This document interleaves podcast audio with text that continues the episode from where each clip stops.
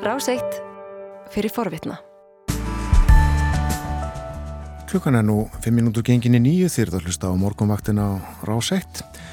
Það er 50 dagur í dag og Bói Ágússon komin til okkar sestur við heimsklukkan. Góðan daginn Bói.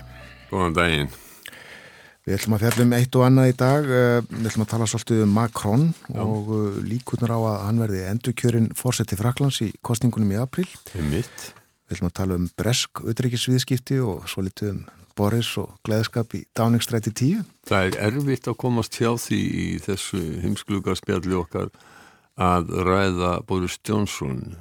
Víku eftir víku að þá hef ég hugsað mér að gefa honum frí. Víku eftir víku gerist eitthvað sem að gerir það ómögulegt að hann verður munstraður uh, í umræðuna og svo er akkurat raunni núna en eh, við ætlum að byrja á þessari spennu, miklu spennu á landamærum Rúslands og Ukræn Já, þar er í rauninni allt við því sama getum við sagt. Að hefur verið mikið um fundi ráðamanna. Boris Johnson til dæmis og nefnum hann aftur til sögunar er í Brussel í dag að uh, ræða við Jens Stoltenberg.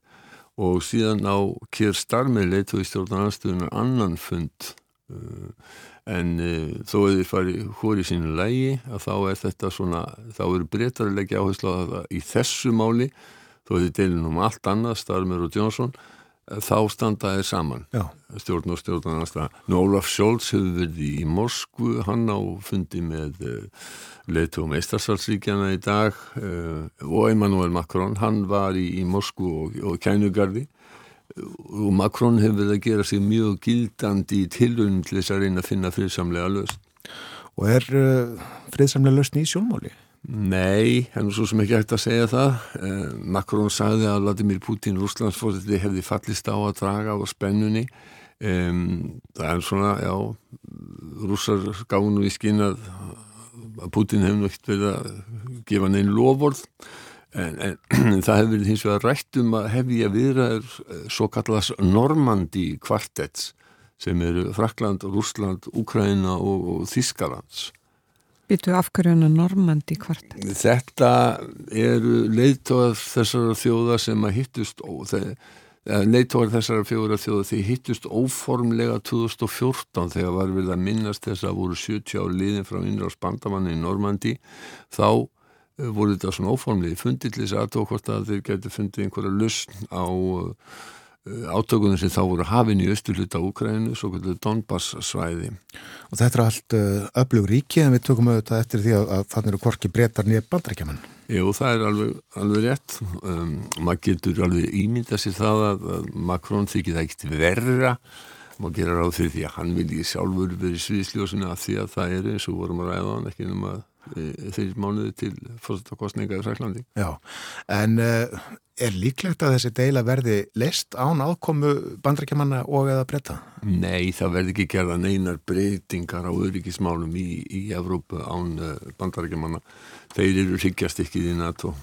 Breytum við sömulegis mjög í mun að láta sér hveð á allt því að vettvangi Eh, og sína og sanna að þið skipt einhverju máli eftir Brexit. Eh, þannig að Liz Truss utanrikiðsáþra, hún kom til eh, Moskvu í gerðkvöld til viðræna við Sergei Lavrov, Lavrov utanrikiðsáþra rúsa alltaf þessi ekki bara í gangi akkurat núna.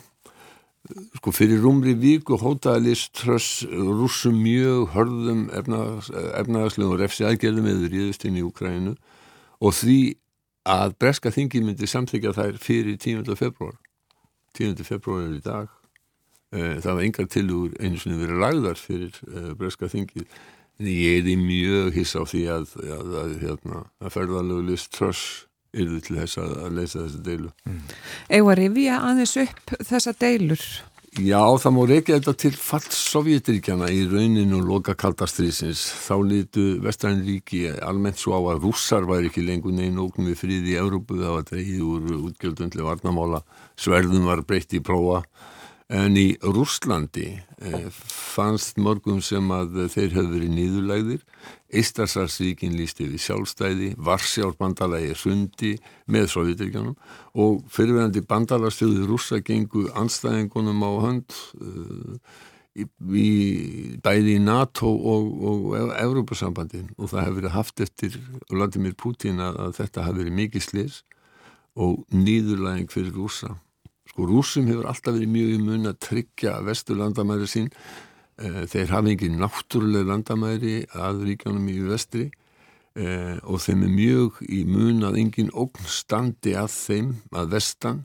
Svo þeir losuðu sér við Svíja sem að í, á átjándu öld, orðustunni við Narva Uh, á þeirri hérna, 19. þá reyðast frakkarinn og þjóðverjar tvísvarsinnum á, á 20. stöldinni uh, þannig að það er svona ákveðin ástæði fyrir því að rússar uh, óttast hvað gerist úr vestri. Og eftir síðan í hinstirildina þá, þá hérna þeirra korunaði bandalag þeirra sem lögðu nazista rætt ekki síst vegna þess að Jósef Stalin og, og Sovjetrikinn þau lögðu ríki Östur-Európu sem að rússar höfðu frelsað undan nazistum eh, undir járnhæl kommunismar skiltum við sagt sko og rússar réðu lögum og lofum í Östurluta Európu og þeir börðu nýður af hörku alla tilraunir þessara gúðu þjóða til þess að losa sig undan okkinu. Já og uh, þá reyðið auðvitað Ungarland og Tjekkoslovakíu. Já, já og uppreysn í Östurfískalandi 1953, 17. júni það er þessuna sem að eina aðalgatan í Berlin frá, frá, hérna, frá Brandeborgar hlýðin heitir hérna 17. júnistræti Akkurat, já. En sko, svo þegar það tekur að líða á nýjönda ára og tök síðustu aldar þá eru Sovjetrikinn í rauninni að nýðurlótum komin. Og maður segja að Sovjetrikinn hafi verið svona holdteikja þeirra hafi verið þrý síðustu leitoarnir Brezhnev, uh, Chernenko og Júri And Andropov þetta eru farlama gammalmenni Gorbachev, já hann er að vísa náttúrulega síðast í leitói Sovjetíkjana en hann, hann uh, reyndi að lappa upp á þetta kerfi uh, en í hans uh, valdatíð var ljóst að, að viljan skorti til þess að berja niður sjálfstæðið tilvunir í Grannaríkjónum. Þannig að kerfi hrundi? Það hrundi eins og spilaborg og það svíður greinilega mörgum í Kreml enn. En hvað hva vakir eiginlega fyrir Putin með þessum aðgerðum núna? Þetta er góð spurning. Hann hefur sendt á anna 100.000 herman aðlandamærunum uh, og til Hvítarúslands. Það einmitt þar þá hefjast samiðilegar hernaðar aðgerðir í dag. Úkrænum er lítið á þetta sem ógn og, og það má ekki glema því að rúsar viðust á Úkrænu 2014 innlimiðu kring skagan og, átök hafa staðið allar til síðan Eh, við aðskilnaða sína í, í östur Úkrænu sem njóta stuðnings úr úsa ef þeim er ekki bara beinlegin stjórna frá Moskvu. Þetta er liðið sem er skautnið farþegarþóttu á leið frá Hollandi til eh, Malasíu og, og hérna myrtu þar tæplega 300 mass og, og harneituðu svo og um, Vestrænvíki segja núna að þetta sé allt saman sögur úsa. Þeir hafi skapað núverandi spennu ástand með ógnandi tilbyrðum gagvart Úkrænu og dreyið saman þennan gríðarlega hér þeir hafa gert netárásur á Úkræninu þeir svona síðan nikla vöðvan og sittja fram kröfur sem að engin leið sé til þess að fallast á. Já, þeir eru rauninni hafa, reyna að hafa áhrif á hvað Úkræna gerir sérsagt varðandi NATO ekki satt. Jú, og þeir eru náttúrulega að setja fullvalda ríki uh, skiliði sem ekkert fullvalda ríki getur gengið að þeir vilja fá skriflegt bindandi lofurðum á Ukraina gangi ekki í, í, í NATO. Vestræðinlíki segja að þetta kemur alls ekki til greina. Jón Ólarsson, professor, saði í heimskviðum fyrir skömmu að rússar gerir skýlus á kröfum að fá að ráða miklu í fyrirverðandi líðöldum Sovjetíkjana og þeir megi alls ekki hugsa til þess að, að Ókræna gangi í NATO.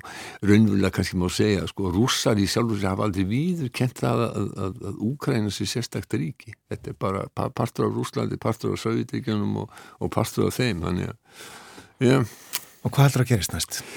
Ég náttúrulega veit ekki tvekar heldur en aðrir. Það verður mjög fróðlegt að sjá hvað gerist þegar þessum herrafingum sem er að hefjast í dag uh, líkur En það eru margir á Vesturlundu sem benda á það að rússar hafi mjög miklu að tapa ef að þeir eh, kallaði við sig mjög harðar eh, efnaðaslegar eh, refsiaðgerður. Já. Ef að tala aftur um Makrón. Já, Makrón. Já, þú segir hann, hann um... njóti þess að vera í Svíðsljósinu. Uh, það eru já fósettakostningar í april. Já. Já, það er ekki nokkuð spurninga að ég held að Emmanuel Macron njóti þess að vera í sviðsljósinu. Í rauninni held ég allir þjóðarlegutóðar elski að vera í sviðsljósinu. Þeir elski að sjá myndir af sjálfum sér með ellendum ráðamönnum og, og það er alveg sama ja, í hvaða landi það er. Þetta gildi líka til þessum Putin og um, við skum í sjálfsveikt að ræða íslenska ráðum en, en ég minn ekki hugsa að fórsættis á það finnst ekki leiðin þetta sjá myndir af sýttilega með sinns og með, með, með Merkel og, og öðrum, öðrum ráðamönnum. Mm -hmm. en, en sko Macron í þessi tilfelli út við íslenska ráðamenn hann þarf að leggja sín verk í, í dóm kjósenda í april og það var einnáttúrulega ekki spurninga þetta gagnast honum að vera á fórsýðum og fyrsta fritt í sjónarkun En hvað möguleik á hann í fórsættakostningunum? Sko á síðustu 20 árum hefur engum fraklandsfórsættar tekist að vinna í tvennum kostningum en Macron á nokkuð góða möguleik að marka um á breska tímaritið í Economist sem að, að mér finnst prívat og persónulega sem er allar bestu fjölmiðrum um, þau á Economist hafa þróað kostningahermi sem að hefur reynst bísna vel í undanfjörnum kostningum samkvæmt nýðustöðum þess kostningahermi eru 79% líkur á því að Macron verði endur kjörin það er hátt hlutfall. Það er mjög hátt hlutfall. Uh, en þetta fer dálítið eftir því hver er því mótframbjöðandi í síðanum fyrir kostningana og samkvæmt kostningahermi Economist er því Valérie Pécresse sem er frambjöðandi republikana sem er mið hægri flokkur hættulegast er frambjöðandin fyrir, uh, fyrir Macron. Já, við eftir að fjalla meira um fransku pólitíkin á næstu vikum en uh, fyrir nú til Bretlands, það kom út ný skísla bara gærið það ekki? Já, það var bresk þingmanna nefnd, skipuð þingmannum úr báðum flokkum sem að um, komst að þeirri nýðustuðu að uh, útganga breyta á Európa-sambandinu hafi dreyið úr erlendum viðskiptum eða viðskiptum við Európa-sambandi og Európa-sambandsvíki að með um ekki einn kostnað, aukna skriffinsku tafir á landamærunum það kemur ekki óvart útflutnindur hafa verið að kvarta sáran sérstaklega minni fyrirtæki sem hafi ekki starfsfólk eða þekkingu til þess að fylla át nöðsynlega pappira. Við skulum heyra aðeins í Meg Hillier sem er formaður þessari þingmanna nefndar. Between the delays at the border, the extra costs and all the extra paperwork, a lot of businesses are saying that it's been a real struggle for them. So we've said to the government repeatedly before Brexit and again in this report, you need to step up and support the smaller businesses, those many people whose livelihoods and sometimes jobs of other people depend on their being able to do this trade with Europe. Þarna var með Kelly að segja það sem ég var búin að reykja á undan. BBC fjallaði um þetta nokkuð ítalið í gær og Chris Morris fjöldamöðu saði í fyrstaskýrindu að viðskipti breyta við Európaríki hefðu dreyist saman og ekki ná sér eftir COVID-samdráttin á sama hátt og viðskipti á milli Európaríkja. The UK is doing less trade with Europe and that trade hasn't bounced back from the worst of the Uh, the COVID pandemic related problems in the way that trade between other countries has. Brexit sinnar heldur því start og stöðut fram eh, að eftir útgönguna yrðu all viðskipti í munu auðveldari minna mýþingjandi reglur og pappisfarkan og allur heimurinn yrðu opinn fyrir breskum útflutningi og en viðbröð bresku ríkistjórnarinn við skýrslu þingmannanemndarinn að voru líka svona dálítið á þann veg segir í fjöstaskynningu BBC fyrirtækjum sem væri vönd nökralösum viðskiptum um við eh, Grænlundin eh, væri ráðlagt núna að flytja viðskiptin til Ástrali og Nýja Sjálands en umfang þeirra viðskipta eru þetta miklu minna og þau eru miklu erfiðari. But it appeared to be saying to businesses who are used to trading with their nearest neighbours without any complexity or bureaucracy at all, go and trade with Australia and New Zealand instead. And it's not the same thing. There's less trade to be had there and it's much more difficult. Í skýsluðu þingmannunemndarinn að þá kemur einni fram að ástandið við mikilvægar hafnir eins og Dover geti átt eftir að versna. Þar eru núna langar raðir flutningabifriða og þær gætu lengst þegar fólk fer að ferðast á. Outside Dover, long queues of lorries have become the norm, but the committee says it could get worse. It says there's potential for further disruption as more people start travelling again and passenger volumes at key ports like Dover increase. Var, verið að fjallum þetta í fyrirspurna tíma forsætis ráð þeirra í gær? Nei, þetta bar ekki á góma en um, það var hins vegar eitt um heilbriðiskerfið, stjórnin hefur búið að skatta hækkanir til þess að stýðja heilbriðiskerfið, byðlist að hafa lengst um allan helminga, einn af hverjum nýju breytum býður núna eftir um, aðgerð, svona liðskipta aðgerð, einhverju slíku sem ekki er sko beinlinni sérna ógnandi. Þetta er, þetta er, þetta er óskaplega hátala Uh, Sajid David, helbriðsráð þegar hann kynnti áætlum til þess að vinna á bygglistum en hann sagði samt sem að þeim myndi halda áfram að lengjast svona næstu mánuði og, og, og misseri en niður komni í svona skaplegt torf fyrir 2024 það er mitt þá sem að er búist að verði eftir, til kostninga í síðasta lagi eftir í Breitlandi en sko, við skulum ekki gleyma því að eitt af kostningarlofvorðum fósættisráð þegar í Brexit kostningabarátinni var að 350 miljónir punta sem að færu til Brussel er ættu að renna til eh, heilbríðiskerfisins. Og það hefur ekki gengið eftir? Það hefur ekki gengið eftir, langt í frá. Mm. Uh, Office of Budget Responsibility sem er, sem kannski má segja síðan svona einhvers konar þjóðhastofnum breyta og er óháð ríkistjóð en hún segir að þjóðaframleyslan verði 4% minni vegna Brexit og samanstofnun hefur metið að faraldurinn kosti samtrátt upp á 2% en um, Johnson hins vegar í uh, fyrirspundantímanum í gæðir flutti þingmönnum það sem eru gleði fréttir fyrir marga þingmenn í hersflokksins að stjórnin hýðist aflétta sótnandar aðgerðum á næstunni mánuði fyrir en búist var við. Já, já. Og maður búast við því að staða hann styrkist út af þessum fréttum? Já, það hefur verið víttak anstaða við sótvarnar aðgerðir í íhalsfloknum og, og, og, og já, það er svona sagt að hann þurfi á, á þessum stunningi halda en svo kom Daily Mirror í miðjum fyrirspurnatímanum og eða allt fyrir honum með því að byrta á vefsinu mynd af vonum og jólasamkomu í Downingstræti með tveimur starfsmönnu ráðanitisins, annar þeirra með jólakransum uh, hálsin og hinn með jólasveinahúu og mér og segir þetta hafi verið í netspurningarleik sem ráðaniti stóð fyrir á myndinu má sjá opna freyðivins eða, kampaninsflösku og, og þetta var þegar að fólk mátt ekki hitta, hitta aðra utan heimilis nema vegna vinnu. Þetta var byrst á meðan á fyrirspurtantímanu stóð og Fabian Hamilton, þingmaður verkamannarflokksins, greip þennan bolta á lofti. Mr. Speaker, in the last few minutes a photo has emerged of the Prime Minister in Downing Street on the 15th of December 2020, surrounded by alcohol, food, and people wearing tinsel. It looks a lot like one of the Christmas parties he told us never happened. Prime Minister. Uh, but in what he has just said, I'm afraid he is completely in error. Um, Johnson sagði þarna að þingmanni fara með randmál. Sko þetta samkvæmið spurningarleikurinn var ekki eitt af tólf samkvæmum sem að Lundbúna lögreglan er, er að rannsaka en eftir myndbyttinguna í gæra þá sagði talsmaður lögreglan að þetta mál er þið skoðað líka. Nú, uh, Boris baðst afsökunar um er það ekki og uh, sagði ég ætla að breyta þessu, ég ætla að laga þetta alls. Já. Já hvað er að frétta af, af þeim að Hann gerði minni átt að breytingar á ríkistjórninni og hlustundum mun eftir lítið, efa lítið eftir því að hann, sko, fjöldi starfsmanni í Dáningstræti sagði upp í síðustu viku, hann hefur verið að ráða fólki í staðin og, og það var einmitt minnst á það í þinginu að hann hefði hughrist nýjan yfirmann samskipta með því að syngja brotulægi Glóju Gaynor I will survive, ég lifið þetta af. En um, við bendum nú á við anstíkilega fólki hér við hinsklugana að það er meira í þessum textum heldur en I will survive. Gloria Gaynor syngur líka Go now go, walk out the door just turn around now cause you're not welcome anymore Hýpjaði, þú ert ekki lengur velkomin. Ef ekki enda á því að heyra hennar gamla slagara. Takk fyrir þetta Bói Ágursson